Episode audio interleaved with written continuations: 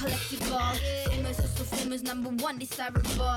I do what I want when I want and how I want it. Leave you with the one in the air, that's how I roll. I got tons of soul, I'm a true collectible. Famous, so famous, number one desirable. I do what I want when I want and how I want it. Leave you with the one in the air, that's how I roll. nii, tere armsad kuulajad, kätte on lõpuks jõudnud reede, ma ei tea muidugi, mis päeval teie seda kuulate, aga meil on siin reede ja ma olen seda oodanud nii kaua väga, väga, väga kaua. See nädal oli kuidagi raske, aga nüüd seda rohkem ma naudin nädalavahetust. kuidas sul, Elis, nädal läks? jaa, üsna mõnusalt, et mul on puhkuse viimane nädalavahetus tulemas, et siis äh, võtab viimast veel, et äh, siis äh, alustab töölainega, et et jaa, väga välja. aga tegelikult ma üldse kauem aega ei kulutaks, sest meil on täna nii põnev saade ja ma olen nii excited. meil on siis külas see imeline naine nagu Pirkot Kivinorm, tere Pirkot. tere. üks põhjus, miks ma tahtsin sind saatesse kutsuda, oli sellepärast, et see raamat, seksuaalne otse ausalt, mille autor sa oled. kui ma raamatupoes käisin, see nagu visuaalselt juba jäi mulle silma, ma olin varem ka sellest kuulnud, aga kui ma kätte võtsin, siis eh, vaata, see pealkiri on selline, et kui sa seda kuskil näed, siis see nagu kohe tõmbab tähelepanu, sa hakkad mõtlema, okei okay,, millest seal siis kirjas on. et nagu, kui me räägime seksuaalsusest, siis ikka meil tulevad igasugu pildid ette, aga ma lugesin seda tagakaant ja tegin nagu suvalistest kohtadest lahti ja seal oli nagu nii ilusti ja nii naiselikult ja nii nagu see kõnetas nii väga ja siis ma tundsin, et vot see on see, kuidas me peaksime nendest asjadest rääkima. ja siis ma mõtlesin, et aga me teeme ju podcast'i, nii et me kindlasti kutsume su siia rääkima. et ähm, sul on tegelikult veel raamatuid ja sa oled nii palju asju teinud ah,, kohe jõuame sinna, aga ma paari sõnaga tutvustan sind ka, kellega tegu on ja siis äh, sukeldume. Birgit Kivinurm on siis abikaasa ja kolme lapse ema. tema huvideks on jooga, psühholoogia ja kirjutamine.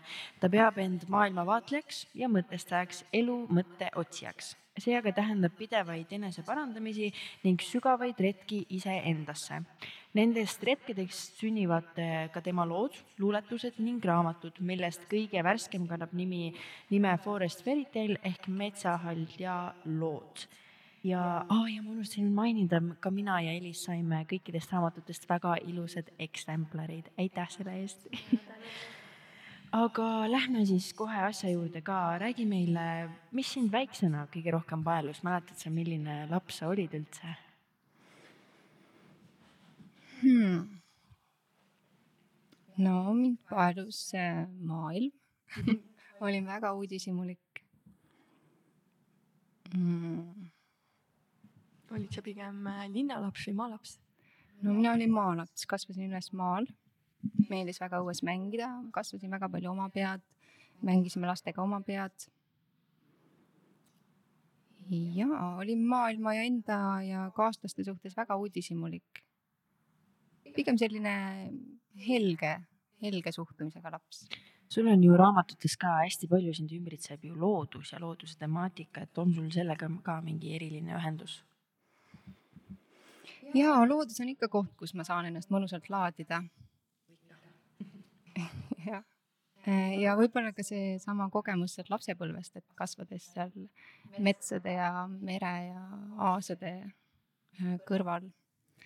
et see on ikka jäänud sisse, selline mingi rütm või kogemus või suhe loodusega kust kandist täpsemalt pärit oled, mis metsast Läänemaalt, Matsalu kandist. mm,? see on väga lahe kind. Okei okay,, aga meil lähevadki siin teemad kohe päris tõsiseks.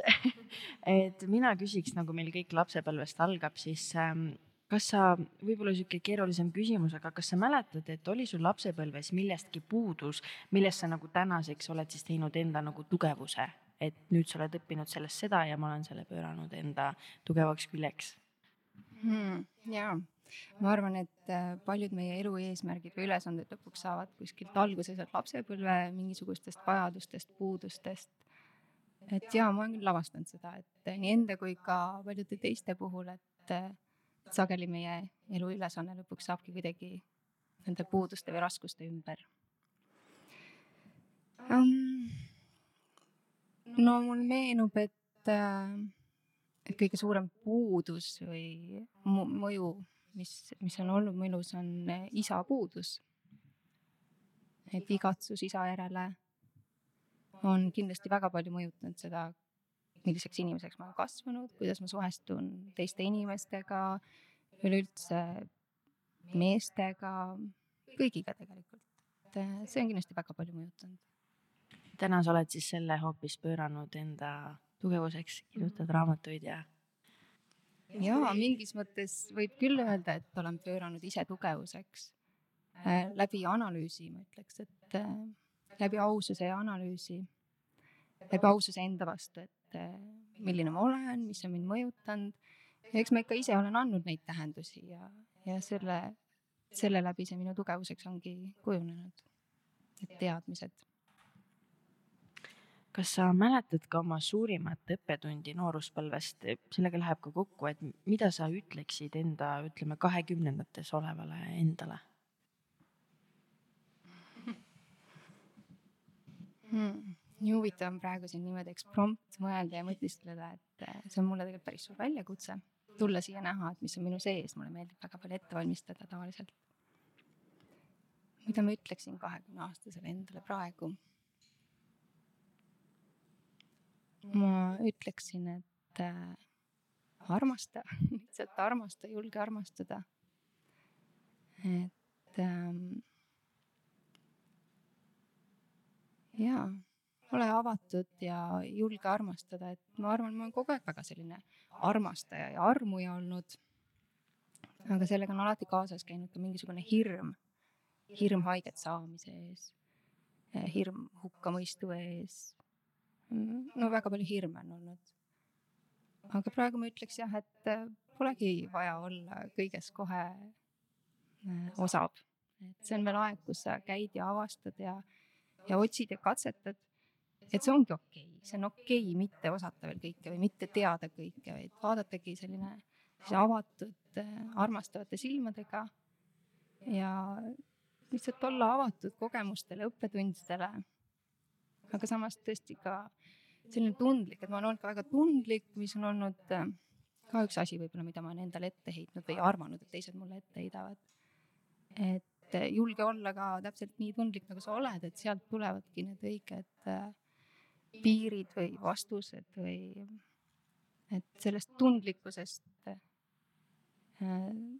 no tulebki see õige suhtumine selles mõttes, et siis sa tunned ära et siis ei ole võimalik väga valesti teha, kui sa tunnetad, et mis on mulle parasjagu õige, et mitte ei hakka nii hirmsasti teiste piire ja, ja tunnustust äh, kuidagi endale seadma eesmärgiks eelmisel salvestusel me just rääkisime ülitundlikest inimestest, et mm. äh, seda saadet kindlasti soovitan ka sul kuulata, et äh, hästi põnev äh,.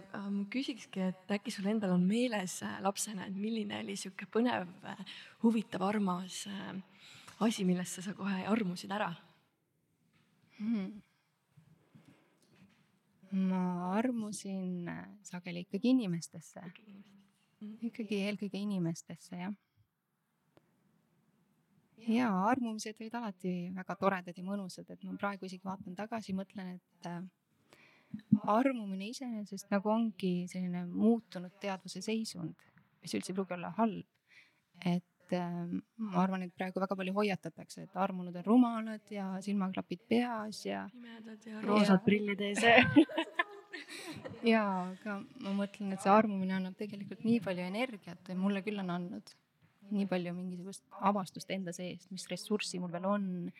ja armunud olles ma avastan asju, mida ma tahan teha ja suudan teha palju paremini kui muidu võib-olla. et see on niisugune tore muutunud teadvuse seisund, mida ei tasu karta, lihtsalt tasub olla teadlik ja tegelikult ongi ju, et teine inimene ju käivitab meis endas selle armastuse tunde, mis meil on võib-olla nagu olnud nagu seisakus mm.. et äh, paneb selle käima, selle energia ja siis saadki hakata looma.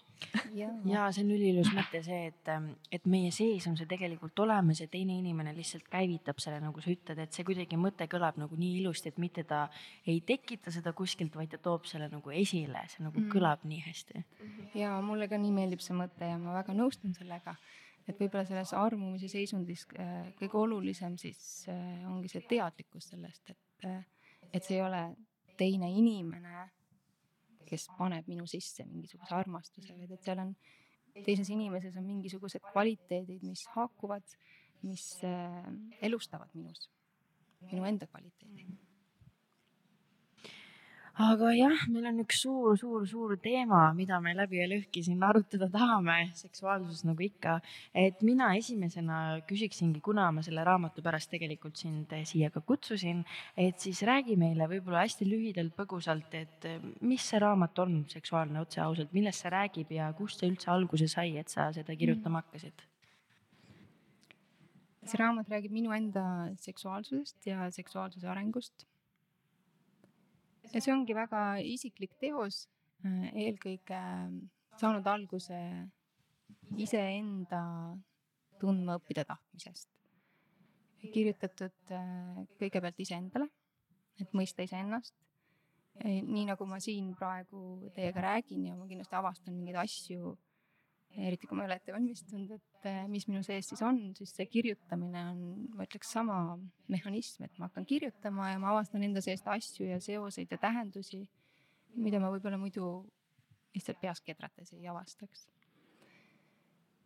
et see raamat on siis väga otsekohene raamat minu enda arengust ja kui see sai kirja, siis see oli kohati ka mulle üllatus, aga samas ka mitte ja võib-olla suurim üllatus oli see, kuidas ma suutsin mingitele seikadele või olukordadele anda tähendusi ilma, et ma oleksin laskunud mingisse tohutusse emotsioneerimisse või äh, seda valu nagu enam ei tulnudki, mis nendes olukordades muidu võib-olla oleks.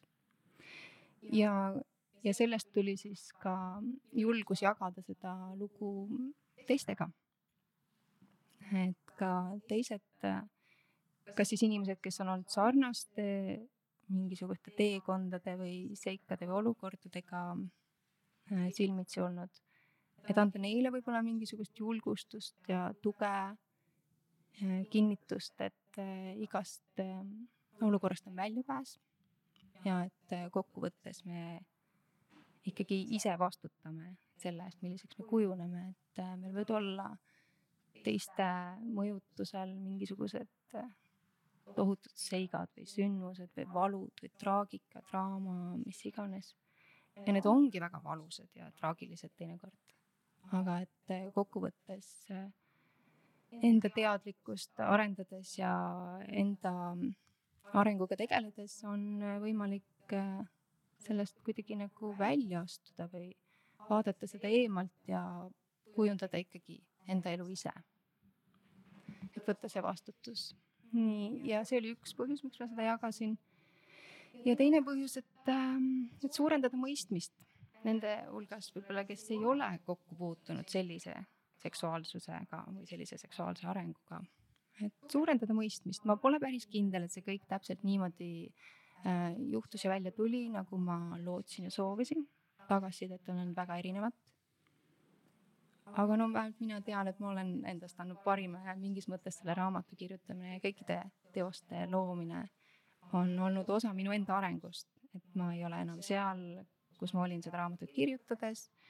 ja see kõik on olnud väga oluline osa minu arengust.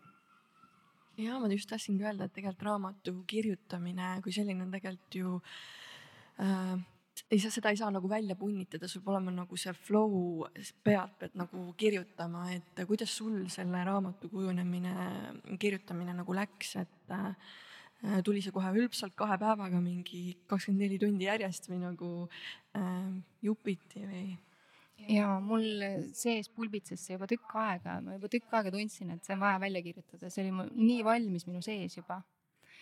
ja siis ähm, mõni nädal enne mu kolmanda lapse sündi ma ütlesin abikaasale, et nii enam ei saa, ma pean selle nüüd välja kirjutama ja siis ta paar nädalavahetust äh, läks lastega oma vanemate suvilasse ja mina kirjutasingi. kaks nädalavahetust jutti kirjutasin hommikust õhtuni, õhtust hommikuni ja see lihtsalt tuli ja voolas minust välja, et mustand sai siis niimoodi kirja tegelikult paari nädalavahetusega mm. -hmm. ja siis ma timmisin seda veel aasta otsa niimoodi peatükkideks ja, ja kuidagi niimoodi jah, mingid mõtestatud äh, selliseks nagu jah, mõtestatud rütmiks raamatu kujul. Eh, kui ma seda raamatut eh, sirvisin, siis üks ehm, asi, mis mulle väga silme jäi, oli ka see Jesper Parve arvustus või see, ütleme, kuidas sa nimetad seda? Arvustus, jah, ja see kuidagi oli nii ilus ja nii kuidagi nii haakus, ma loen selle siin ette ka. ta on öelnud, et kui paljude meeste jaoks algab seks ja seksuaalsus naise kehast, pornofilmis nähtust ning nii-öelda panemisest, siis see raamat sunnib oma tõekspidamistes kahtlema ka kõige šovinistlikumas ja see lugu tõestab, et naise seksuaalsusel pole eelmainitutega absoluutselt mitte mingit pistmist. ja see nüüd lähebki meie edasi tuleva teemaga kokku, et mis asi siis on naise seksuaalsus, kui see ei ole nagu siin mainitud panemine ja pornofilmid ja paljas keha ähm,? ma ütleks, et see võib olla ka kõike seda. see võib olla ka pornograafiline ja paljuski ongi tehtud naise seksuaalsus pornograafiliseks meie ühiskonnas. aga kuidas mina näen seksuaalsust, äh, minu jaoks seksuaalsus on äh, elujõud, elujõud kui selline, et seksuaalsus on see jõud, mille läbi meid loodi siia maailma ja see on äh, jõud, mille läbi me loome siia maailma mida iganes, mitte ainult lapsi, vaid äh, kõike, kogu meie loomisjõud minu jaoks äh, põhimõtteliselt võrdubki seksuaalsuse jõuga. et niimoodi ma võtaks kokku, mis see seksuaalsus on. võib-olla on täpsustavaid küsimusi, et kuhu veel seda laiendada mm jah, kuna me räägimegi tegelikult täna väga palju seksuaalsuse olemusest, väga tegelikult nüüd, nüüd juba vaikselt on äh, sellest hakatud rääkima, et on tulnud igast nagu kursuseid ja asju äh,. siis äh, nii, mul kadus nüüd see küsimus ära, mis ma tahtsin äh, nii, ahah, siis ma tahtsin küsida, et kas äh,, et vanemad on ka selle kujunemise juures ju väga äh, olulist rolli kujundavad seda seksuaalsust, et kas sul vanemad lõid selle ruumi selleks, et äh, sinu seda seksuaalsus, seksuaalsuse olemust endas nagu avastada hmm.? see on nii hea küsimus ja tähelepanek, et, et kodu loob selle aluse mm. -hmm. et seksuaalsus ei ole kindlasti seks kui selline, seks on üks seksuaalsuse väljendamise viise. et seksuaalsus saab alguse väga tavalistest põhjapanevatest Äh, hinnangutest ja väärtustest, sellest, kuidas me näeme iseennast ja maailma ja, ja meie kohta siin maailmas, kuidas me näeme teisi. et see saab alguse sellest, ma ütleksin jah, kõige tavalisematest väärtustest ja enesehinnangutest. aga minul, ma julgen nüüd tagasivaates öelda, et mul ei olnud seda head ruumi, mis looks sellise turvalise, usaldava, äh, armastava, austava seksuaalsuse põhja ja see on siis see teema, millega mina praegu tegelen, nagu ma ka saate alguses ütlesin, et, et sageli need kõige suuremad puudujäägid saavad lõpuks olema meie elu sihid ja teemad ja tugevused. et siis ma olen hakanud ise uurima, et mis on need minu, minu puudujäägid siis seksuaalsuse teemal olnud ja kus ma olen üldse avastanud, et mingid puudujäägid on see, et lõpuks ma olen avastanud, et minu enda seksuaalkäitumine pole olnud väga eluterve. et seal on olnud äh, asju, mm, mis ilmselgelt on tulnud sellest, äh, sellest põhjast, põhjast, äh, et väärtustest, arvamustest, enesehinnangutest mm. -hmm. Mm, võib-olla nüüd küsimus kõigile et äh, kui vanalt sina üldse seksuaalsusest hakkasid äh, huvi tundma, kas sa mäletad seda perioodi või seda hetke hmm.? mina mäletan, et ma olin kogu aeg seksuaalsusest huvitatud. Ähm, selles mõttes, et äh, kehadest ja kehast kui sellisest kehalisest ma olin kogu aeg väga huvitatud. ja see võis olla tingitud väga erinevatest asjadest, see võis olla tingitud sellest, et me nägime lastena juba väga varakult pealt seksuaalkäitumist, seksuaalsuhteid küll salaja, aga see tekitas meis uudishimu ja me proovisime katsetame, katsetasime ise, uurisime enda keha ja, ja avastasime üksteise keha. et selles mõttes see on äh,, üleüldse ma arvan, et see huvi lastel on väga loomulik, see huvi oma keha vastu, et äh, tegelikult kui vaatate beebit, siis ta on oma kehast täiesti vaimustuses ja naudib oma igasuguseid kehaosi täpselt üht, ühesuguselt. et see on väga loomulik olla oma keha vastu uudishimulik, meie keha suhtes uudishimulik ja minul see uudishimu oli. ja mingil hetkel ma ütleks, et see võib olla hoopis ähm, see loomulik ja eluterve ja süütu uudishimu nagu kadus. aga see huvi oli algusest peale ikka kogu aeg. Jah, väga hea küsimus oli. Aga noh, sa tegelikult väga ilusti rääkisid ka, et, et seksuaalsus ei ole nagu ainult see, mida meile siin projekteeritakse, aga ma ikkagi tahaks just konkreetselt sellel teemal nagu küsida, et mind on alati huvitanud, meil ju tegelikult on nii-öelda normaalne ja tavaline kultuur see, et just noores eas on see, et neiudel on hästi palju puudu sellest lähedusest, tähelepanust, intiimsusest, aga samal ajal noor, noortel nii-öelda noormeestel on täiesti vastupidi, et nemad ei otsi seda või nad otsivad pigem niisugust kiirest rahuldust, paljud partnerid, et nad ei otsi nagu lähedust või intiimsust või et noh, on ju ka see, et kui mees noores eas magab paljude partneritega, et siis oo, viska patsu ja siis, kui nagu naine peaks seda tegema, siis kohe pannakse nagu silt külge, et äh,. et ma tahtsingi küsida, et sinu isiklik arvamus, et mis sa arvad, kust või miks on selline kultuur tekkinud, et just noores eas otsitakse nii erinevaid asju. et sellega ju siis tegelikult tuleb ka see, et naised nagu lasevadki meestel ennast nagu ära kasutada, sest läbi selle sellel nad saavad seda lähedust. Ja siis vastupidi.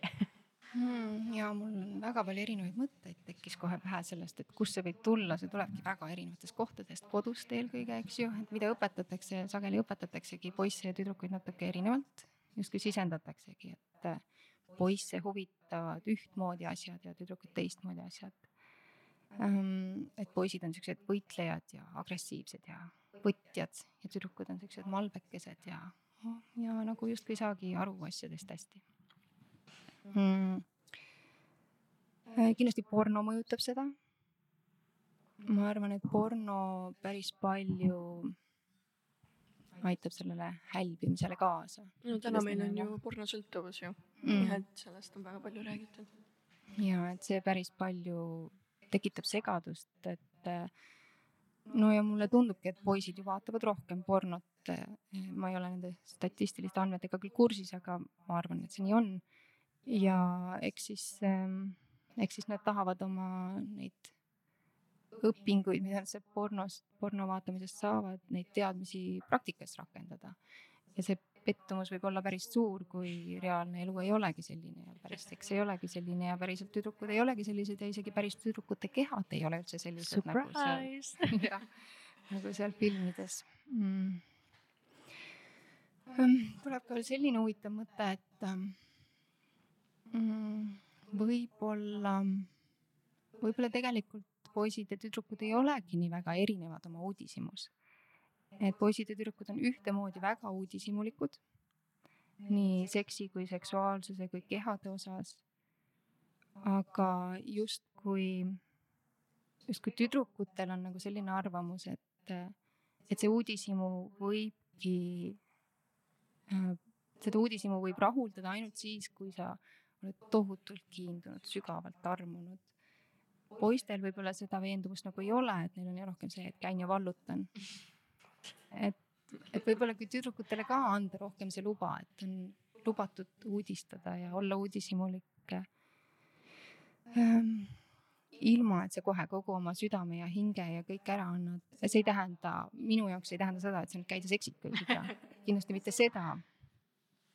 aga et võib olla uudishimulik ja, ja jah see tähendab seda. vot sa ütlesid väga ilusti, et, et neiudele anda see luba, võib-olla see on raskem selles mõttes ka, et ähm, kui sa oled nagu noor nagu naine, siis sul on raske selliseid intiimseid asju teha, ilma et seal taga tekiks mingisugune emotsionaalne ühendus või et ei saa päris niimoodi, et ah, suva tuimia, et nagu mm. naistel ei ole seda nagu oskust või nagu seda, et jah, et mul on täitsa nagu savi, et seda nagu mm. -hmm. Mm -hmm. ja, ja täiesti mõistan, et, et see, mis sa lugesid ennem siin, et see see puudutab väga otseselt mind ka, et ma, mind nagu selline asi nagu väga pani süü, süüma piinasid ja selliseid äh, süütunnet tundma, et, äh, et äh, mina olengi võib-olla siis nagu sihuke või et, et nagu no, tüdrukud ju ei tee nii ja noh, et ühiskonnalt tuleb vaata see, et äh, nüüdseks ma olen nagu sellest äh, niimoodi hästi vabanenud nagu, aga, aga varem. see on ka tõesti väga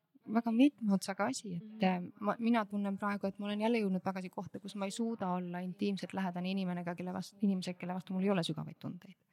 võib-olla ma ise tekitan need tunded, et kuidagi õigustada seda mingisuguseid lähedusi.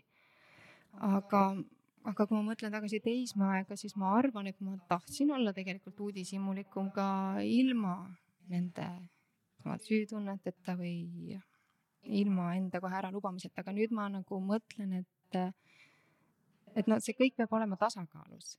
et ei saa ka niimoodi päris, või noh, saab aga ma arvan, et ei ole õige ka nii, et et nagu üldse mingisugust sidet või kiindumust ei teki inimeste vahel, et praegu on võib-olla ka väga popp see sekspadide värk, et me oleme lihtsalt sekspadid mm -hmm. või et äh, lisaboonustega sõbrad, et, et nagu minna ka sinna äärmusesse, et ma ei julge üldse siduda. Et mine tea, siis tuleb veel pere, lapsed ja kogu elu on hukas või mis iganes, mida iganes ette nähakse, siis on ju. et ka see on ohtlik. Äh, et see kõik peab olema ikkagi tasakaalus, et huvi peab olema loomulik, ehe, puhas, süütu ja siiras. et kumbagi poolt ei tasuks nagu üle kuidagi pakkuda aga nagu see, et sa mainisid ka, et praegu sul ei ole seda, et sa suudaks mingeid suhteid luua, siis noh, ilma selle nagu mingi ühenduseta, siis ma arvangi, et see on jällegi see, et sa pead selle ise läbi katsetama. see, mis sa mainisid ka, kõik need teemad siin mm., et nagu just see uudishimu, et sa pead ju sellele uudishimule mingi nagu vastuse saama ja jube tore oleks elada maailmas, kus sa oma uudishimu pärast ei saa mingeid silte külge mm. et see nagu kõlab päris hästi.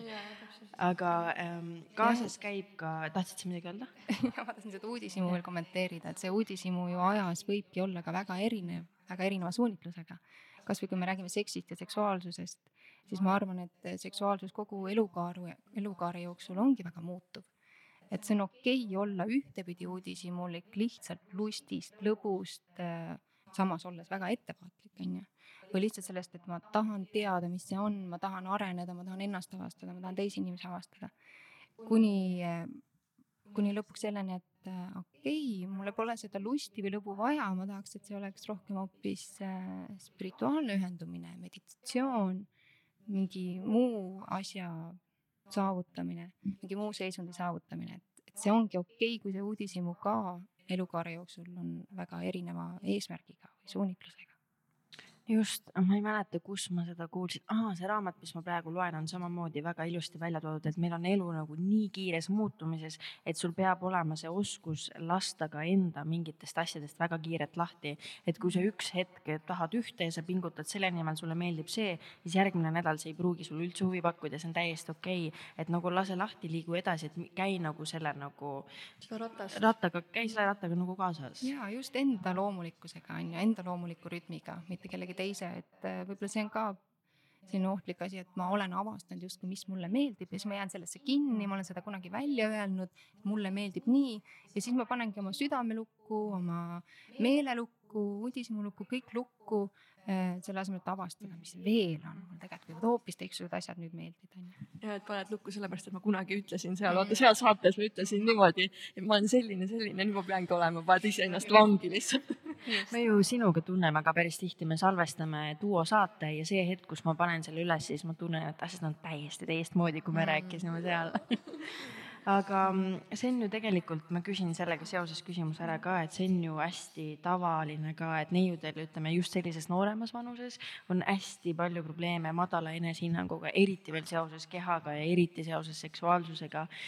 Et eh, mis sa arvad, mis on seda põhjustanud, et see on saanud nagu tavaliseks, et kui sa ei ole ebakindel, siis on see sihuke, et what, kuidas sa seda tegid?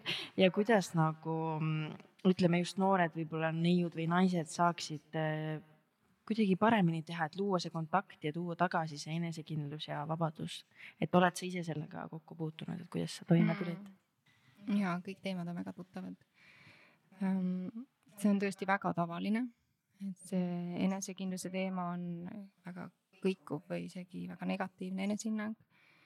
Äh, mõjutatud jälle väga paljudest asjadest, sellest samast äh, kultuse kultuurist, kehade kultuse kultuurist, pornograafiast, kõigest, milline üks keha peab välja nägema. ja enamasti meie kehad ei näe ju välja täpselt sellised nagu seal kena ajakirja kaane peal, et meil on kõigil väga erinevad kehad, absoluutselt erinevad kehad ja lisaks sellele, et üleüldiselt kehade osas on ebakindlus, siis kui me räägime seksuaalsusest ja seksist kui sellisest, siis äh, mulle tundub, et me üldse ei tea, kuidas päris kehad välja näevad. Noh, me enamasti inimesed ei tea isegi, kuidas suguelundid välja näevad. Ja siis on häbi ka selle osas, et ah, kas ma üldse olen normaalne, kas ma näen normaalne välja. Ja, ja nagu ei, ei, ei tohigi näha, ei tohigi teada ja siis keegi ei teagi, kas nad on normaalsed ja kõik arvavad, et nad ei ole normaalsed, sest nad ei tea, kuidas teised on, ei räägita, ei, ei ole seda õiget võrdlust. Ja siis võrreldaksegi selle popkultuuriga või mis iganes kultuur see on, kindlasti tuleb sealt väga palju ebakindlust. kui inimesed teaksid juba eos, et nad on jumala normaalsed, kõik need erinevused ühest või teisest on jumala normaalsed, siis ei oleks ka võib-olla nii palju seda enesehinnangu teemat mm,? tuleb veel palju enesehinnangu teemat kindlasti sellest, et vanemad ise on omadega tupikus, ei tegele endaga, ei, ei paranda enda haavu ja kannavad neid üle oma lastele. et selles mõttes on väga äge, et meie generatsioon hirmsasti tegeleb enesearenguga. et kui seda kohati on nagu ette heidetud, et oo, käiakse retriidilt retriidile ja koolituselt koolitusele, siis jaa, see võib tõesti muutuda omaette sõltuvuseks ja see on ohtlik aga teisest küljest on nii tore, et meil on nii palju vahendeid ja nii palju huvi endaga tegeleda, et äh, oma lastele pärandada parem tulevik. ma ei tea, kui väga see õnnestub, sest et ka praegu on seda teemat, et ikkagi laste jaoks ei olda kohal ja, ja siis lapsed tunnevad, et nad ei ole armastatud, nad ei ole hoitud, nad ei ole tahetud. ja sealt tekib see enesehinnangu teema kindlasti või noh, me ei tea, mis see pro-, protsent, protsentuaal võib olla, vaata mm., et aga võib pooleks minna, et äh, mõned on väga teadlikud, tegelevad mm. ja siis on need, äh, kes rahmeldavad ringi, onju. Mm -hmm. ma hästi korraks veel küsiks ära, et selle jätkuks, mis sa siin rääkisid, et kust siis just noored leiaksid abi, et kui nad tõesti tunnevad, et nad on sarnases olukorras või kimpus nende teemadega, aga noh, sa ei lähe ju vanemate juurde ütlema, et kuule, kas ma näen normaalne välja mm, -hmm. et nagu kust nagu leida abi või kuhu minna või kuhu pöörduda, et mida sina nagu soovitaksid hmm.? ja nüüd on juba olemas ka palju abistavat kirjandust ja kursusi minu meelest ka noortele. ma nüüd ja lõpuni kursis ei ole, aga minu meelest on selline veebisait nagu Learn to Love.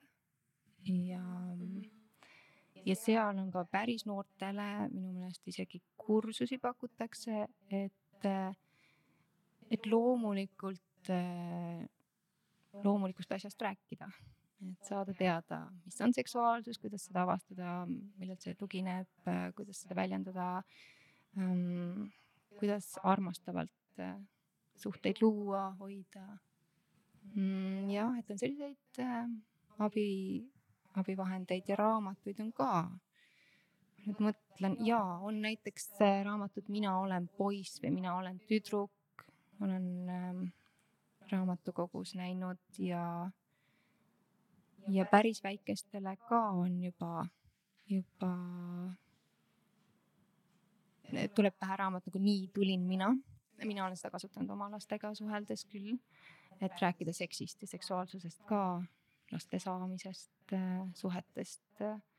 et lapsed väga tunnevad huvi ja siis kui ei oska kohe ise vastata, siis tasub kasutada erinevaid abivahendeid, et äh, tunda ennast enesekindlana, et selle asemel, et ütelda, et äh, ei, me ei räägi sellistest asjadest või ma ei tea või mine küsi mujalt või loll küsimus, siis vii ennast kurssi või siis nagu tüüpiline, et kurg või arbuus mm, või lehtkapsas või nagu, et kui kaua sa kuulad seda juttu, mitu mm. generatsiooni me sedasama asja jätkame nagu aga jaa, päris äh, omamoodi katsumus võib-olla ka, et kuidas sa seda edastad äh, oma lastele, et kuidas sina seda muidu edastasid mm.?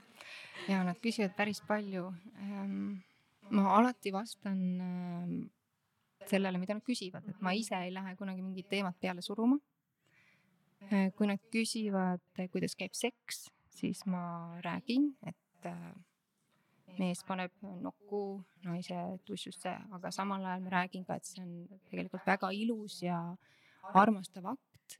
see on täiskasvanute armastuse mäng ja rõhutan, et see ongi täiskasvanute mäng ja noored ei peagi sellest aru saama ja noortel see võibki vui, viuka olla, tunduda, aga nad vähemalt teavad, mis see on. ja, ja ma arvan, et kui nad teavad, mis see on, siis on palju keerulisem neid kuidagi trikitada tegema ebasobilikke asju, kui nad tegelikult teavad, mis asi on, mis asi on ju. Nad teavad, mis asi on seks, et keegi ei saa neid trikitada tegema midagi vastu nende tahtmist, et äh, selle kõige jutu juures alati ma rõhutan, kui püha on keha, kuidas seda tuleb hoida, kuidas oma keha ees on vastutus sellele pakkuda ainult head ja ilusat. et mitte keegi ei tohi sinu keha puudutada ilma sinu nõusolekuta mitte kedagi sina ei tohi puudutada, kui ta ei taha. ja niimoodi ma ei sunni kunagi ka peale ühtegi musi ega kallit ise. et, et selle kõige juures, kui ma räägin, kuidas asi käib, praktiliselt ma räägin sinna juurde ka väärtuse, millega seda peaks läbi viima, näiteks seksi, kuidas peaks seksis äh, olema, et, et see armastus selle juures ja heatahtlikkus ja austus ja, ja selline armastav uudishimu. Seda on nii ilus kuulata, tõesti väga nagu, mul tulid Mul nagu külmavärinad peale, nii tõesti väga-väga-väga-väga ilus. ja mulle meeldib, äh, et sa kasutad sellist sõna nagu seksuaalne spirituaalsus, Mm. sest see toob kohe seksuaalsusesse nagu kuidagi siukse ilusa sügava kuvandi. et minu jaoks on ka see nagu midagi ilusat, sügavat ja isegi nagu püha Mm. ja ma tunnen, et ma vajan äh, täiega sellist int- intelligentset ja sellist hoolivat lähenemist, kui üldse selle, sellest teemast nagu rääkida. Mm. ja ma tahtsin küsida, et, äh, et mis sa selle spirituaalsuse, seksuaalsuse, spirituaalsuse juures nagu mõtled? Hmm. kõigepealt äh, ma mõtlengi seda suhtumist ja väärtust, millega sa lähened seksile kui sellisele, et kas see on midagi ilusat, kas see on midagi patust, kas see on midagi sihukest äh, normaalset või see on midagi siivutut, kas see on midagi jah, et, et eelkõige see üldine suhtumine. ja ma ütleks, et spirituaalne seksuaalsus on äh, see, et see on midagi väga ilusat, midagi ülendavat, midagi ühendavat. et seks on koht, kus kaks inimest saavad füüsiliselt kõige lähemal üldse olla üksteisele. kaks keha, no enam lähemal ei ole võimalik olla. Ja, ja see ühendus spirituaalse seksuaalsuse puhul ei ole mitte ainult kehaline, vaid siis ka hingeline. hingeline ja vaimne ühendus, kus äh, üksteisele aitakse, aidatakse jõuda mingile uuele teadvuse tasandile, kogeda teisi teadvuse seisundeid. ja see on väga ilus, kui inimesed koos seda praktiseerivad. et seks võib olla väga erineva tähendusega, et ma arvan, et ühe suhte alguses ongi väga hea paika panna või vähemalt läbi rääkida, et mis seks kummagi jaoks on, et äh, nagu kas sport on kõigi jaoks sama, kas seks on kõigi jaoks sama. kas me räägime malest või poksist või millest me räägime. et samamoodi ka seksi puhul, et kas see on äh, no, jah, et mida ma soovin sellest seksist, et kas see on lihtsalt füüsiline rahuldus või ma tegelikult tunnen ka, kuidas energiat liiguvad minu kehas. ja kui veel ei tunne, kas see on äkki midagi, mida ma tahaksin kogeda, et äh, sellest rääkides, mis see seks on, ei peagi alati rääkima, mida ma juba olen kogenud ja nii see on, punkt, see on see, mida, mis mulle meeldib. rääkige ka, millal ma olen avatud. millele on minu süda avatud, millistele kogemustele, mida ma tahaksin selle seksiga veel üldse kogeda. seks tänapäeval on väga palju lihtsalt võimumäng, on, et äh, selline vägev ütlus, et äh, mehel on raha ja naisel on seks ja siis nad vaatavad, kelle kätte jääb võim, onju. et seda on päris palju ja, ja siis võib-olla seks ähm, seks võib olla viis lihtsalt ennast rahustada, lõdvestuda. seks võib olla viis, et saada oma tahtmist, et manipuleerida. seks võib olla viis, et teha rahu, leppida. seks võib olla viis äh, ennast välja elada, no mis iganes võib see seks olla, onju. ja siis ongi hea sellest rääkida. ja spirituaalse seksuaalsuse juures sa oled teadlik sellest, mis see on. see ei tähenda, et sa alati oskad nendele eriti kõrgetele teadvuse tasanditele, seisunditele jõuda. aga see teadlikkus selle juures, et ahah, nii, ma tahtsin seekord seksi lihtsalt lohutuseks. ja sa ei heida seda endale kuidagi ette või ei tee ennast maha, et oi-oi-oi. aga see teadvus, et jaa, nii see oli ja, ja ka nii võib juhtuda ja see on okei okay aga sageli me ei teadvusta, mis see on. Ja siis me oleme nii pettunud, me ei ole rahul selle seksuaalaktiga, me ei ole rahul selle teise inimesega, kuidas ta meiega käitus kõik. Ja noh, mina kaasa arvatud selles seksuaalsuse raamatus ma räägin justkui, kuidas ma käitusin ise seksuaalsuhetes, mida ma ootasin ja mida ma ei oodanud ja mida ma siis tegin ja mida ma lubasin endaga teha ja kuidas teisele ette heitsin ja kuidas ma enda osa ei näinud ja, ja kuidas ma endale mida ette heitsin ja aga vot, kui tuleb juurde juba teadlikkus, siis äh,, siis sa näed, mille pärast sa käitud ühte või teistmoodi seksuaalsuhtes. Ja sa valid. Et siis esialgu kõigepealt alustada sellest, et ole iseendaga aus, mida sa ootad. Mm.. ma tahtsin öelda ka see, mis sa rääkisid, et rääkida, kommunikeeri sellest, mida sa ootad, see on nii tähtis, et ma ise Mhm. kohati tunnen, et seks ja seksuaalsus ja kõik see on ikka veel mingil määral ühiskonnas väga tabuteema. Mhm. sellest ei ole normaalne rääkida, kui sa räägid, siis on mingi et ka mul endal ma tunnistan, aga see, et sa oma partneriga nagu kommunikeerid vahepeal, see on väga ebamugav, aga laskudki väga detailidesse, mida sa ootad, mida sa tahad mm, -hmm. mida sa ei taha, kui tihti mm, -hmm. mis iganes. et nagu sellest rääkimine on nagu asi, mis minu jaoks ka nagu muutis kõike, et ja. ma arvasin, et ma ei julgenud väljendada, mida ma tahan, ma ei julgenud mitte midagi öelda, ma hoidsin kõike nagu enda sees niimoodi krussis ja kui neid ootusi ei täidetud, siis ma läksin väga vihaseks mm. -hmm. aga nagu kuidas ma saan vihaseks minna, kui ma isegi ei öelnud, mida ma tahan, et see on ja. nii tähtis osa ja see on nii nagu lahe, et sa selle välja tõid.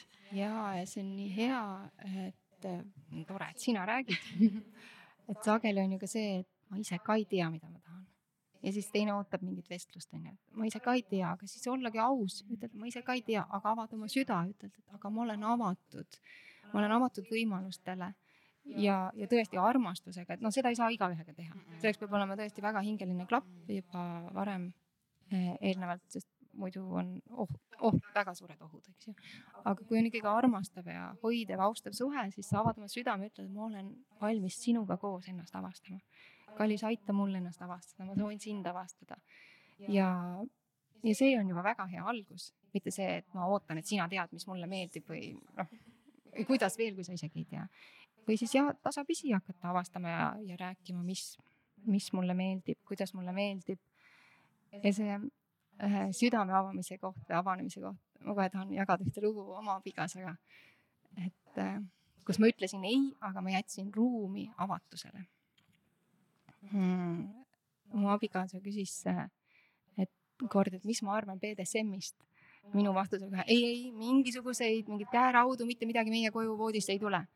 aga siis mul tuli meelde, et aga ma võin proovida avatud südamega vastata sellele ja ma ütlesin talle, et aga kui, siis ainult siit sallid ja mis siis äh, paari nädala pärast olidki minu voodi peal ilusad lumivalged siidsallid. et sellest ühest asjast, mida mina kartsin, et issand, mida ta sellega mõtleb, mida ta kõike tahab, siis sellest tegelikult tuli midagi väga ilusat, väga hoolivat, väga armastavat nagu.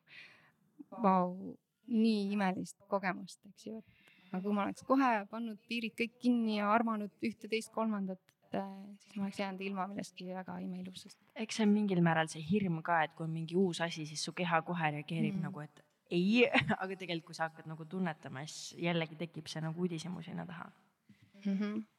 ja mida sina arvad, kas äh, kui oluliselt mõjutab see, kuidas äh,, mida vanemad meile lapsepõlves süstivad seksuaalsusega, kui palju see mõjutab seda, et me tulevikus äh,, mis orgasme me üldse kogeme et äh, mina näiteks noorena mäletan, et minusse külvati ikkagi väga palju häbi sellega seoses, süütunnet, raskeid tundeid, mida siiamaani ma nagu vabastan, onju. et, äh, et see tegelikult läheb ju kõik vaata rakumällu ka. ja mulle meeldiski, et sa ühes intervjuus äh, mainisid, et orgasmi kogedes me olemegi need kõige vabamad inimesed üldse. et minu arust on see nii tõsi, sest et äh, me inimestena nagu kardamegi seda end nii vabaks lasta, seda vabaks olemist, et eriti kui seda lapsepõlves ei ole ka veel soodustatud.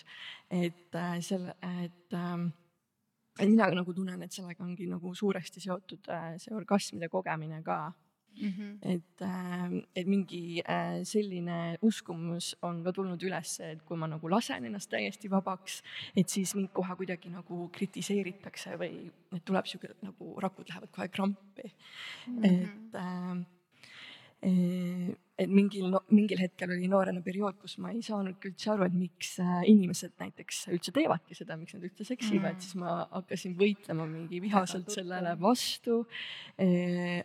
nagu oleks väga mingi tülgastava asjaga nagu tegemist mm., aga siis äh,, aga siis kõik muutus ja, ja ma sain nagu rohkem infot ja see küll tekitas vahepeal kannatusi ja kurbust, aga siis läksin eluga edasi, et ma lihtsalt nagu tahtsin jagada seda, et mis sina nagu sellest äh, kõigest arvad. ja ma olen nii tänulik, et te jagate, mulle meeldibki vestluse vormis rohkem, ma, ma ei kujuta ennast ette nagu õpetajana, aga vestluse vormis mul endal ka kohe nagu teemad avanevad peas. et nii tore, et sa jagasid seda, ma hästi palju tundsin ka samastumist, et äh, esiteks selles, et äh, mul oli ka periood, kus ma mõtlesin, miks inimesed üldse seksivad nagu see on nii tüütu, see on nii tobe, et see on nii ebamugav ja just sellest, minu enda keha oli nii megapinges. orgasmist ma ei teadnud üldse, et on võimalik saada, onju. et millest veel räägitakse. hmm,? et need pinged kehas ja mõjutavad väga palju, need saavad kindlasti alguse sellest lapsepõlve häbist ja traumast, traumadest, erinevatest traumadest. ja, ja et orgasmi kogemiseks tõesti peab oskama lõdvestuda, täielikult lõdvestuda oma kehasse. see muidugi tähendab megausaldust partneri suhtes, et see eelmine kogemus, mis ma ka siin jagasin, et ma ei saaks seda teha ju suvalise inimesega, onju. et selleks peab olema väga usalduslik juba, ma ütleks ka pikaajaline suhe, et ennast mm -hmm. üldse oleks võimalik niimoodi lõdvaks lasta ja lõdvestuda sellesse ühinemisse. et ja ma arvan, tänapäeval enam pole ka väga, väga võõrad need terminid nagu vaginism ja vulvotüünia või mis need on, kus naise suguelundid valutavadki justkui, justkui ilma põhjuseta valulikud. aga ei ole vist ka lõpuni tõestatud, et see kõik on väga psühholoogiline, aga no mina ikka tahan uskuda, et see on väga psühholoogiline ja sealt lapsepõlvest pärit ja selle kõigega tuleb tegeleda, et mina olin ka väga kinnine mingi periood ja ja pidin õppima uuesti lõdvestuma. ja mulle tundubki, et, et see, need kõik need äh, süütunded ja sellised rasked tunded, need lähevad väiksena meie sinna paranärvisüsteemi, kus nad hakkavad nagu seal taga alateadvuses niimoodi võbelema. ja siis äh, noh, muidugi seksuaalses kogemuses nad tulevad pinnale. Äh, aga ja, et et nad nagu lähevad sinna ja seda tuleb osata hakata vabastama sealt mm. -hmm. et seda ma nagu olen näinud, aga meil ongi küsimus tegelikult siin, et mis sina arvad, miks seksuaalne akt meile inimestel üldse loodud sel-, on sellisena, nagu ta on, et sest mhm. paljud äh, loomariigis ju lihtsalt sigivad ja sellega asi piirdub, ei lisandu mingeid naudinguid ega midagi mm see on väga huvitav tõesti, et miks on nii, et inimesed seksivad ka lihtsalt lõbu pärast ma tean, et üks ahvisort ka seksib lihtsalt lõbu pärast. delfiinid ka on, neil on ka mingid naudingud no vot, aga see on tõesti huvitav jah, et ähm, no jälle, kuidas me defineerime seksi, ma arvan, et inimesed, kes defineerivad seksi kui lihtsalt äh, ähm, soo jätkamise vahendit, nad suudavad ennast viia seisundisse, kus nad seksivadki ainult siis, kui on võimelised äh, paljunema. Ja see on okei okay ja nad naudivad seda või siis ka ei naudi, aga see on nende jaoks okei okay,, et, et nii on ja nad ei näegi sellest kaugemale. ma arvan, et me oleme ise võimelised ennast nii-öelda programmeerima või, või sellesse vastavasse meeleollu viima, et äh, mõne jaoks äh, seks ongi lihtsalt äh, nauding, mingi viis, mingi väljaelamise viis äh,. ja, ja siis on jälle see spirituaalne seksuaalsus nii-öelda, et, et millise, millise vaatega sa üldse seksile lähened, miks ta on loodud sellisena, nagu ta on ta üldiselt on väga nauditav, naudingut pakkuv, võib-olla paljunemine peabki olema nauditav, et seda üldse ette võetaks, sest ta on ka päris piinarikas lõpuks. Mingis mõttes, noh, ma ei tahagi üle utreerida, aga ta on kohati päris raske ikkagi see laste kasvatamine ja ja, ja ka iseenesest see sünnitamine ja lapse kandmine võib teinekord olla mõnele naisele vaevaline, et mingisugune nauding peab seal ju olema, onju et võib-olla sellepärast on ta nii nauditav ja võib-olla on ta nii nauditav just sellepärast, et me saaksime ühendust oma väega ja, ja tahaksime sellele seksuaalsusele kuidagi teistmoodi läheneda ka, lisaks bioloogilisele vaatele, paljunemisele see kõik on nii põnev teema, et ma tunnen, et sellest võiks teha nagu mitu saadet, et rääkida kõigest, minna süvitsi, rääkida, olla aus, avada. mina näiteks tunnen see orgasmide teema ka, ma mäletan, ma olin mingi periood maailma peale väga räigelt vihane, siis mind ajas kurjaks see, et kuidas see käib meestel niimoodi, et neil võib reaalsuses minna mingisugune viis sekundit ja neil on põhimõtteliselt on ja naistel on vaja usaldust, head keskkonda, keskendumist nagu mingi kümme asja, et sa nagu lõpuks saaksid sinna välja jõuda. Ja siis ma mõtlesingi, et nagu miks on see nagu nii tehtud, et me niigi mingi kanname last ja sünnitame, et miks me ei võiks siis seda samamoodi lihtsalt nagu kogeda, et see mm. nüüd ma olen sellega nagu rahu teinud, aga ma mäletan vahe, mingi periood ma olin ikka päris vihane. Aa, kui huvitav ja ma kohe tahaks siia lisada, et äh, ma arvan, et need mehed, kes selle viie sekundiga, viie minutigagi saavad, nende jaoks ei ole ka väga nauditav tegelikult.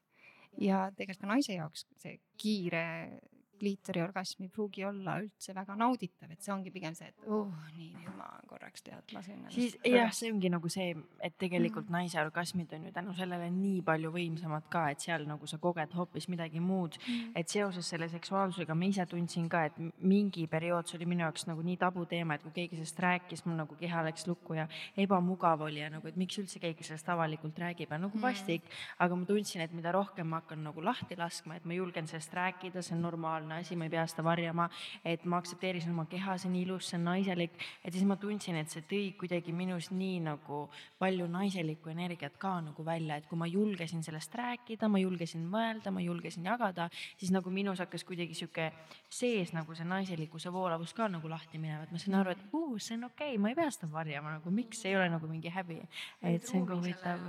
jah, just. ruumi selle jaoks ja tuligi naiselik energia juurde. just aga kuidas ära tunda siis inimest, kes, kes, kes on nagu oma seksuaalenergiaga kontaktis või mitte mm.? no enamasti see inimene ikka särab öeldakse, et ta on enamasti on ta elujõuline ikkagi, loov ja loominguline elujõuline inimene, no sa juba väliselt sageli tunned ära, et no võib-olla ma meelevaldselt praegu üldistan, aga sageli ikkagi inimene, kes on ka seksuaalselt rahuldamata, on sihuke rohkem mossis ja kuri ja tige maailma peale ja no see ei ole ainus asi muidugi, mis mõjutab, aga ma arvan, et on siiski päris palju seotud omavahel jah, ega ilmaasjata ei olnud mingid sellised naljad nagu, et kui mingi naisterahvas oli eh, vihane, pahane, torisev, siis mingi tehti mingi nalja, pole ammu saanud või midagi sellist. ei no kaks asja jah, kas on päevad või pole ammu saanud, see on sihuke voh voh, klassikanali, mida teha nagu aga mm, mis ma tahtsin veel küsida mm,, me lähme nüüd kohe tegelikult seksuaalterapeudi teema juurde, see on ka mm. väga põnev. aga, aga ka mm, jah, mul tegelikult vist ei olnudki praegu küsimusi e, võib-olla jah, veel küsiks, et me enne küll rääkisime, et see on nagu tabuteema meie ühiskonnas, aga kuidas sa ise näed, sa ju oled sellest teemast nagu väga teadlik ja selle sees ja räägid, et kas sa näed, et see nagu muutumas ka, et see ei ole enam nii tabu ja sellest nagu rohkem inimesed avavad ja räägivad ja jagavad, et kuidas sa enda ümber seda näed? ja ma näen küll, et see on üldiselt muutumas, võib-olla mu vaade on veidi kallutatud selle võrra, et mu ümber on väga avatud inimesed, ma olen enda ümber leidnud inimesed, kes räägivad kõigest väga avatult ausalt, avameelselt.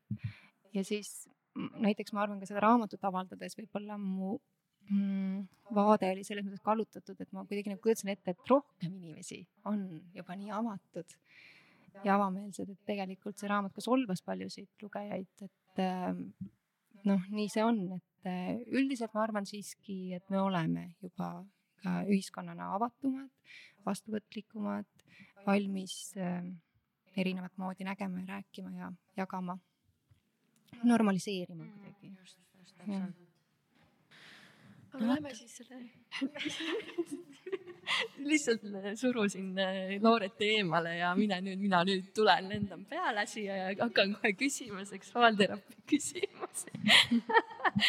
okei, aga jah, et miks just seksuaalterapeut ja mm. kas äh, meil ühiskonnas on siis selles valdkonnas palju nii-öelda selliseid komistuskivesid, eh, mida tuleks nagu lahendada selles valdkonnas, et äh, räägi lähemalt mm. -hmm. ma veel ei ole seksuaalterapeut, aga ma liigun sinnapoole, et äh, eelkõige omandan psühholoogihariduse ja, ja, ja lisaks äh, ma võtan kursusi ja koolitusi spirituaalsuse, seksuaalsuse, teadliku seksuaalsuse, tantra, jooga Äh, vallas. ehk et ma tahan seda lääne ja ida teadmist ühendada. aga jaa, ma näen ennast äh, tulevikus seksuaalterapeudina, eelkõige enda kogemuse äh, kuidagi jagamisest või enda kogemusest saadud teadmise rakendamiseks. ja me ju vaid täitsa saate algus jälle lähen tagasi sinna teema juurde, et see, mis on olnud enda elus väga raske asi, kui ma lõpuks sellega tegelen ja seda endas parandan, siis see võib olla asi, millega mina saan maailmale kasulik olla. et eks minul käib ka neid eksistentsiaalseid äh, madalseise nii-öelda kriise vahel, kus ma mõtlen, et kas see ikka on üldse see, mis see minu koht siin maailmas üldse on, et kas see on ikka see teema. ja üha jälle, jälle ma avastan, et jaa, see seksuaalsuse teema on see teema, millega ma tahan maailma aidata kuidagi armastavamaks muuta, mõistvamaks aidata. ja ma arvan, et siin on päris palju ära teha mis need kõige suuremad või kõige levinumad siis ütleme nii-öelda jutumärkides vead on, mida sa enda ümber näed, mis sind ka ajendas, et ma tahan olla see, kes õpib terapeudiks ja aitab kaasa sellele mm,? jälle eelkõige enda kogemusest, kui vildakalt äh, seksuaalsust ja seksi presenteeritakse üldse lastele ja ka kuidas omavahel räägitakse seksist.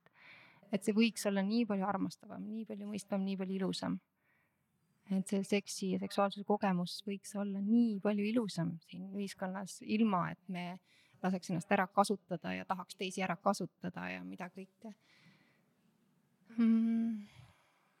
ja see on üks asi, et kuidas üldse lastele kommunikeeritakse seksuaalsust.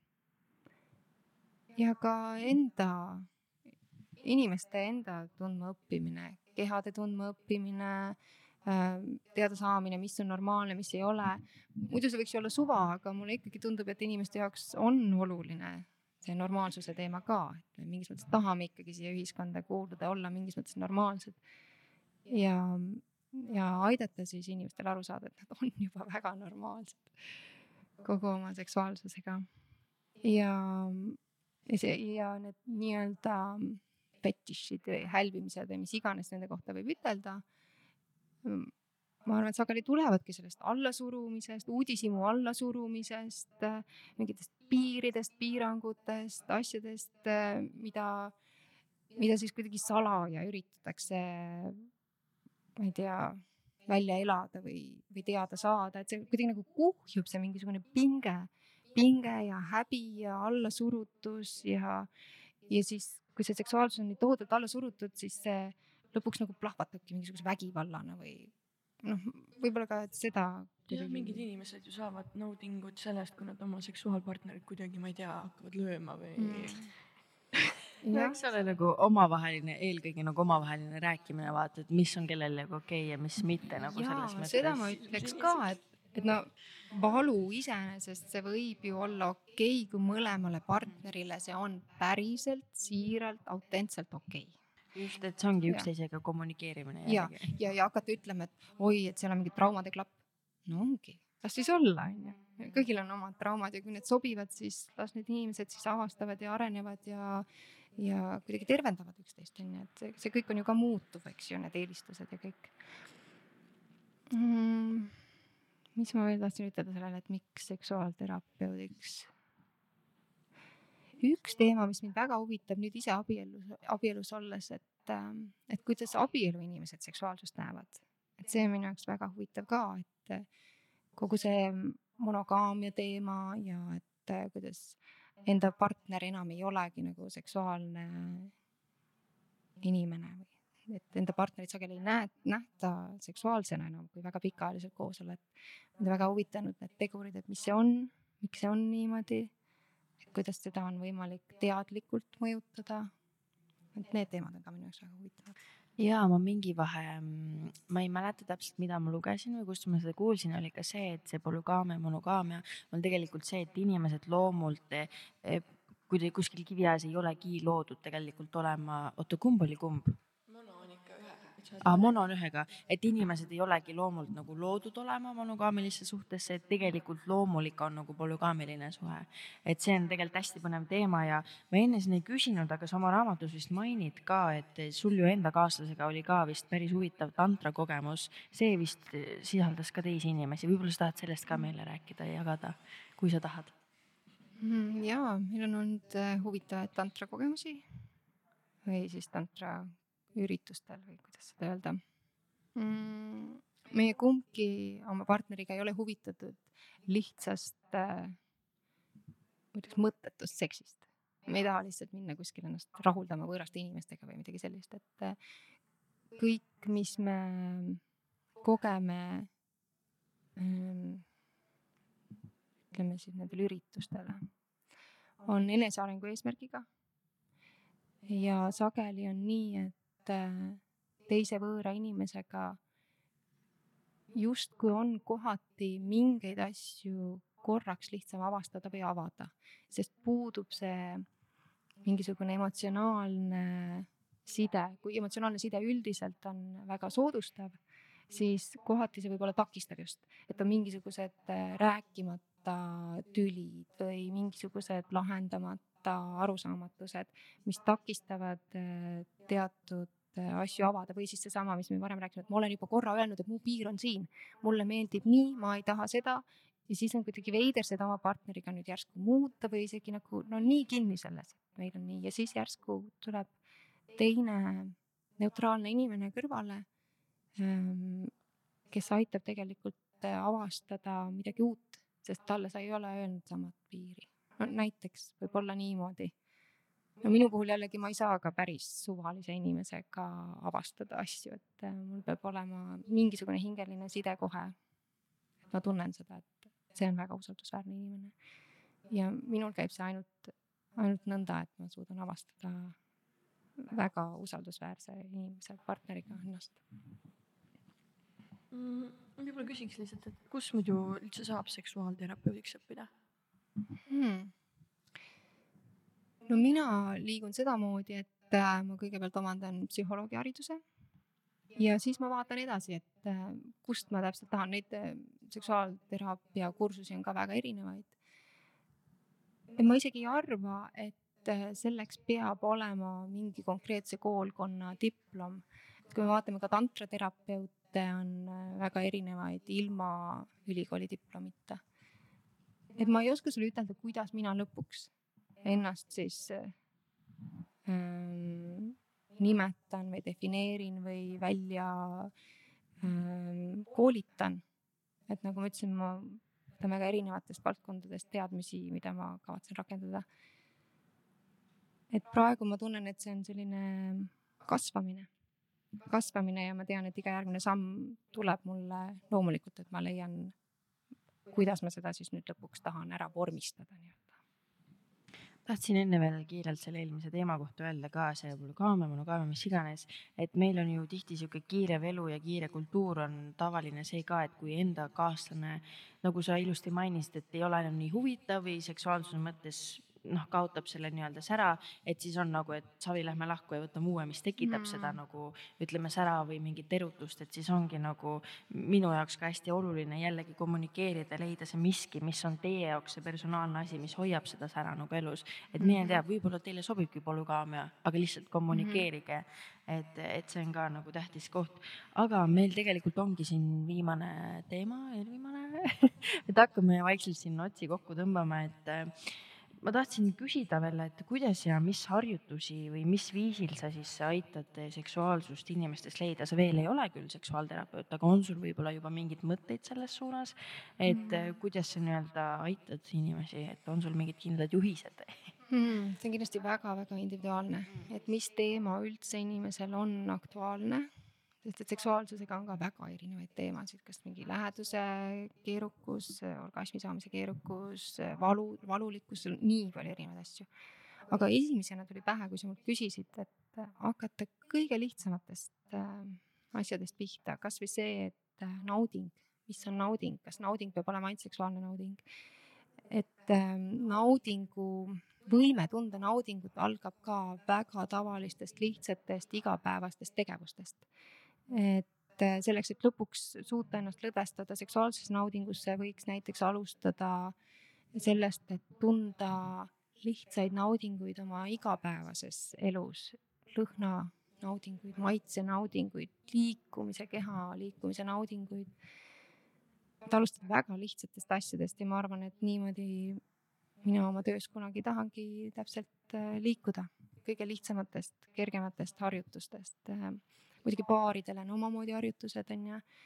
et kui me räägime, et äh, näiteks, et räägime, et rääkige omavahel, kindlasti rääkige, siis sageli võib rääkimine hoopis olla kurjast sest inimesed ei tea, mida tähendab rääkimine, mina arvan, et no rääkige, ma tean, kuidas rääkimine välja näeb, aga teise inimese jaoks on rääkimine midagi muud, ehk et nad hakkavad üksteist süüdistama ähm,. ma ei tea, solvuvad, karjuvad, mida iganes. tegelikult võiks ka paar, paarilisega harjutada täiesti tavalistest asjadest rääkimist kõigepealt enne seksist rääkimist. rääkida täiesti tavalistest unistustest. Ja, ja kasvõi stopperit kasutades, et üks räägib viis minutit, teine lihtsalt kuulab, ei kommenteeri, ei ütle midagi, ei tegele, ei anna nõu, isegi no ei võta kuidagi isiklikult noh, proovida vähemalt. ja siis teine räägib viis minutit. Mingil lihtsal teemal, mis on minu unistus, mis mulle meeldib elus? Ja siis seda harjutades saab lõpuks rääkida ka keerulisematest teemadest nagu seks, mis mulle meeldib seksi juures sinuga, mis mulle ei meeldi ilma selleta, et süüdistada, ilma selleta, et keegi solvuks, hakkaks kohe parandama midagi. et võtta teadmiseks õppida üksteist tundma ja siis koos edasi areneda, et, et see rääkimise asi on ka, see mingis mõttes vajab ka harjutamist. et sellised lihtsad, lihtsatest asjadest alustaks. esimesel teedil kohe, noh, mis seksist arvad? Siis on mingi, no silm siniseks või mitte?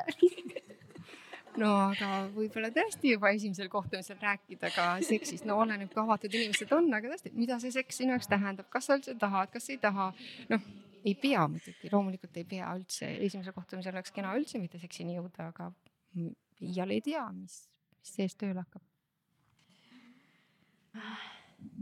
Meil on varem ka siit saatest läbi käinud see teema, aga mida sina näed ühiskonnas, mul tegelikult hetkel näib trendis, et äh, on trendis iseseisev mehelikkus, mehelikkus energias naine ja naiselikkus energias mees mm. -hmm. et äh, kas see peaks nii olema ja me sujuvalt läksimegi naiseliku meheliku teema peale sihuke intro. ja eks see ühiskonna kultuur ja inimesed ja kõik kogu aeg on muutumises ja kõik proovivad leida seda parimat lahendust. et mingis mõttes mina ka olen märganud, et see feminism kuidagi, feminism on väga selline ähm, meid võrdsuse januliseks muutnud kuidagi meid mõlemat poolt. et eh, naised tahavad olla hirmsasti meeste moodi, meestega võrdsed, selle asemel, et olla võrdsed iseendana, väärtuslikud sellisena naiselikuna. aga no muidugi ma ei arva, et naise keha kohe defineerib ära, kui naiselik või mehelik keegi on, et see naiselikkus ja mehelikkus ongi muutuv ka erinevates kehades. ja, ja siin on tõesti ainult see autentsuse teema, et ma ise tunnetan, mis on see minu päris olemus, milline ma tahan olla, milline mulle meeldib olla aga kohati küll ma näen, et, et naised on mehelikumad, kui nad võib-olla sisemas, sisimas oleksid. et see kohustus ise hakkama saada, ise toimetada, et see on nii suur, et see muudab meid jah, kuidagi kalgiks ja enam ei lasegi nendel naiselikel elumahladel justkui voolata vabalt ja mehed siis on justkui sunnitud ju muutuma natuke naiselikumaks seal kõrval, et kohati naised ka nurisevad, et ah, mehed pole enam mingid õiged mehed aga siis võiks endale otsa vaadata. tegelikult mingis mõttes oleks nai-, naisel on see jõud nagu, et seda muuta Mm -hmm. vot äh, ma tunnengi, et mingil määral on siin ka ühiskonna mõjutus, sest et ma ise, kuigi mulle reaalsuses nagu täitsa sisimas, ma ise ei tunnistanud, aga mulle meeldis kõik see naiselikkus ja mehelikkuse erinevus, armastus, hoolivus mm, -hmm. kingitused, mis iganes, siis nagu kuidagi ma olingi nagu nii-öelda mehelikum, sellepärast et kuidagi tundus häbi olevat öelda, et mulle meeldib, kui mulle tuuakse lilli, mulle meeldib, kui hästi ukse avatakse, mulle meeldib olla naiselik, mulle meeldib kanda seelikuid, et ma oma peas mõtlesin, et kui ma selle nagu välja ütlen ja luban endal seda nagu kogeda, et siis mind vaadatakse nagu mingid kitsekino kuulutused, et nagu okei okay,, et nagu trend on ikka see, et sa saad ise hakkama, teenid ise palka, ise teed, et nagu see on nagu trendis, vaata mm. -hmm. ja olen nõus, on küll jah.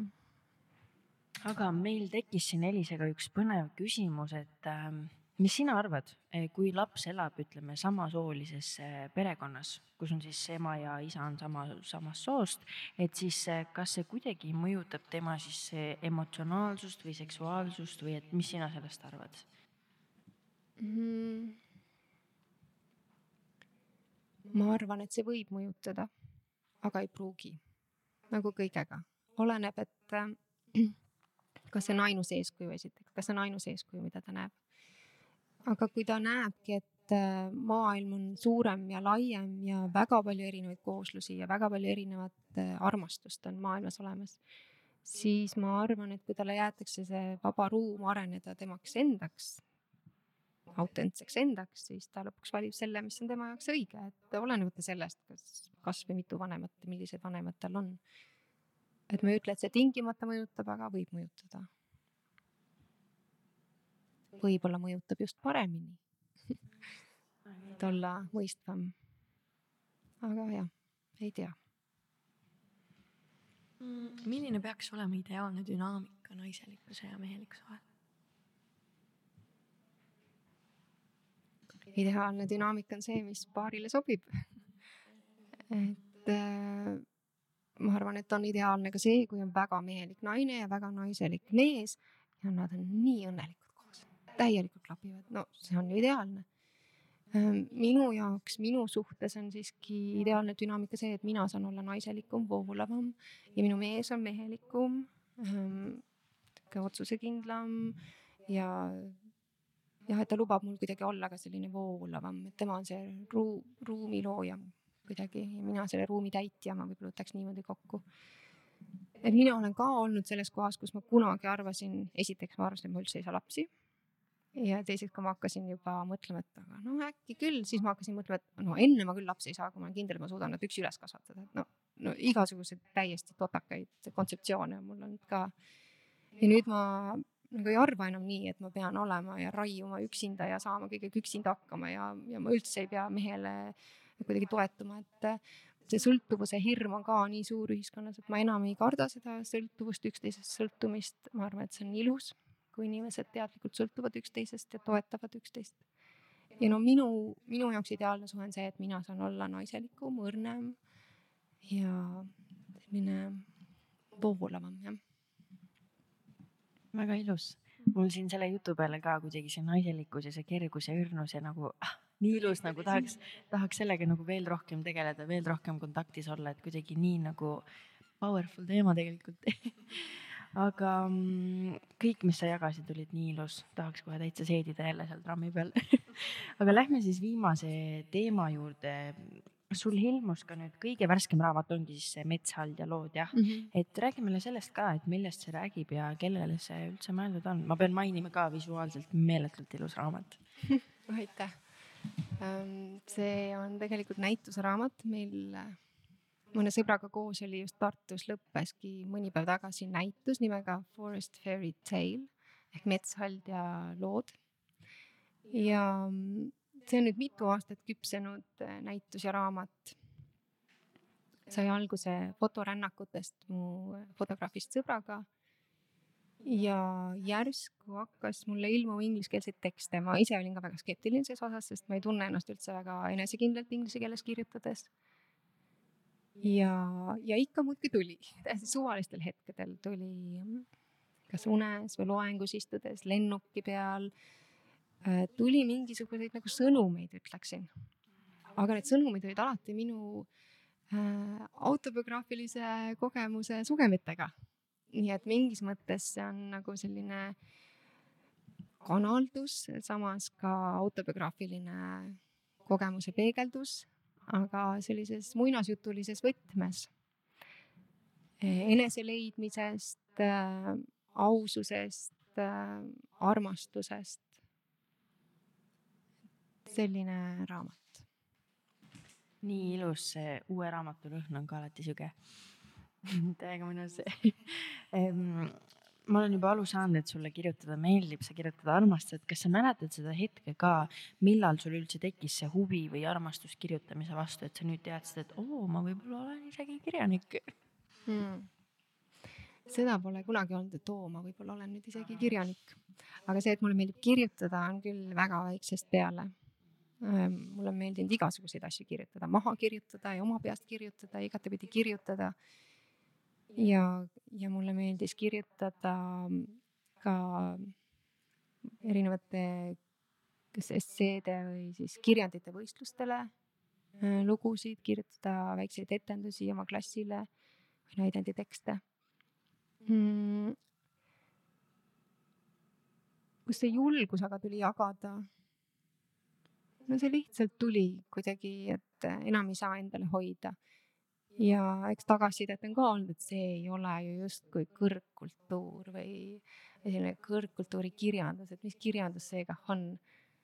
aga võib-olla, võib-olla ei peagi kõik olema nii hirmus kõrgkultuur ja nii raskesti arusaadav, et äh, samamoodi olen ma saanud tagasisidet hoopis, et lõpuks ometi ma mõistan luulet näiteks. ja siis teine ütleb, et see luule on ju lihtsalt mingisugune kitš, on ju, et see suhtumine on nii erinev. ja ja võib-olla see peabki olema erinev, et see peab kõnetama neid, äh, keda see inspireerib, aga peab kõnetama ka neid, kes, äh, kes tahavad mõelda, et see ei ole nende jaoks. äh, puudutab kõiki nagu sa ütlesid, kõrgkultuur on ju see, mis sa tahad, et see sinu jaoks oleks Mm. nii et eks kui me siia maailma sünnime, siis me tihti ikka hakkame mõtlema, et mis on see minu elu mõte ja mis sina arvad, mis on siis elu mõte, et äh, kuidas sina selle mõtiskluseni jõudsid, et äh, kuidas üles leida enda elu mõte? oi, elu mõte on teema, mille ma nii palju mõelnud. Hmm.. üks mu lemmikmõtteid, mille üle mõtiskleda. Um, ma arvan, et äh, kõik need äh, üldiselt levinud vastused, et elu mõte on kogemine ja elu mõte on elu ise ja see kõik on väga õige, see kehtib ka minu puhul. aga mul on ikka meeldinud natuke sügavamale minna, et aga kuidas ikka, mis, et seal peab olema midagi enamat. ja praegu ma mõtlen niimoodi, et elu mõte on ajas muutuv ja see võikski olla see mõte, mille sa ise annad oma elule, et sinu elu mõte on anda oma elule ise mõte. ja, ja see võibki olla vastavalt perioodile, vastavalt äh, elule, läbielamistele erinev, et näiteks äh, praegu, kus mul on väiksed lapsed, mu elu mõte on väga palju seotud nende kasvatamisega ja, ja teinekord on jälle hoopis rohkem enesearenguga või hoopis rohkem ühiskonda panustamisega. et üks minu selliseid läbivaid äh, eksistentsiaalseid dilemmasid ongi see, et ma tunnen, ma nii tahaks ühiskonda panustada. kuidagi rohkem, veel rohkem, veel mõttekamalt, veel mõtestatumalt. ja samas ma näen, et ma saan seda tegelikult teha kõige paremini hetkel läbi oma laste kasvatamise. see on kõige parem panus, kõige suurem panus, mida ma saan teha, kasvatada õnnelikud, rõõmsad, armastavad inimesed üles no vot ja see dilemma niimoodi käib. ja ka jah, et eh, niimoodi näen ma elu mõtet. Ah, see on lihtsalt imeline saade olnud, nii imeline. aga me tegelikult hakkamegi siin lõpetama ja minu sihuke suur küsimus olekski, et mis on sinu, ütleme siis kõige tähtsam soovitus inimestele eluks, mis sul tuleb? oh, säilitage ikka uudishimu säilitage uudishimu enda vastu, elu vastu, oma kaaslase vastu. pea meeles, et sina ei ole kunagi või sa ei ole kogu aeg selline, nagu sa kord oled otsustanud, sinu kaaslane ei ole terve elu selline, nagu sa kord oled teda avastanud. et jäta see uudishimu, jäta see süda avatuks, et avastada, mis seal veel on, mis minus veel on, mis temas veel on, mis maailmas veel on. olla armastav ja uudishimulik, see on mu soovitus kas on midagi ka, et sa tunned, et me ei puudutanud ja midagi on su sees, mida sa tahtsid öelda, aga me sinult ei küsinud? ei, ei ole midagi sellist, aitäh. Väga tore oli teiega vestelda. ja mina selle saatega tundsin ka, et meil oli nii suur paus podcast imisest, et siis on ikka sihuke, et mingi äh, ei tea ja kuidas, aga sellega tuli nagu see power ka nii väga nagu tagasi, et äh, aitäh nii, nii imelise saate eest ja see, mis sa teed, on võimas ja sina oled võimas ja kõik, ühesõnaga jätka kõike, mis sa teed ja ma arvan, et sa lood väga-väga-väga palju väärtust veel kõikidele. just nii. aitäh, te olete ka päris võimsad aga sulle ka aitäh, kuulaja, kui sulle see saade meeldis, siis like'i, jaga, share'i, kirjuta meile alati, mis mure sul on, anna meile ideid, küsi küsimusi, anna kriitikat. ja muidu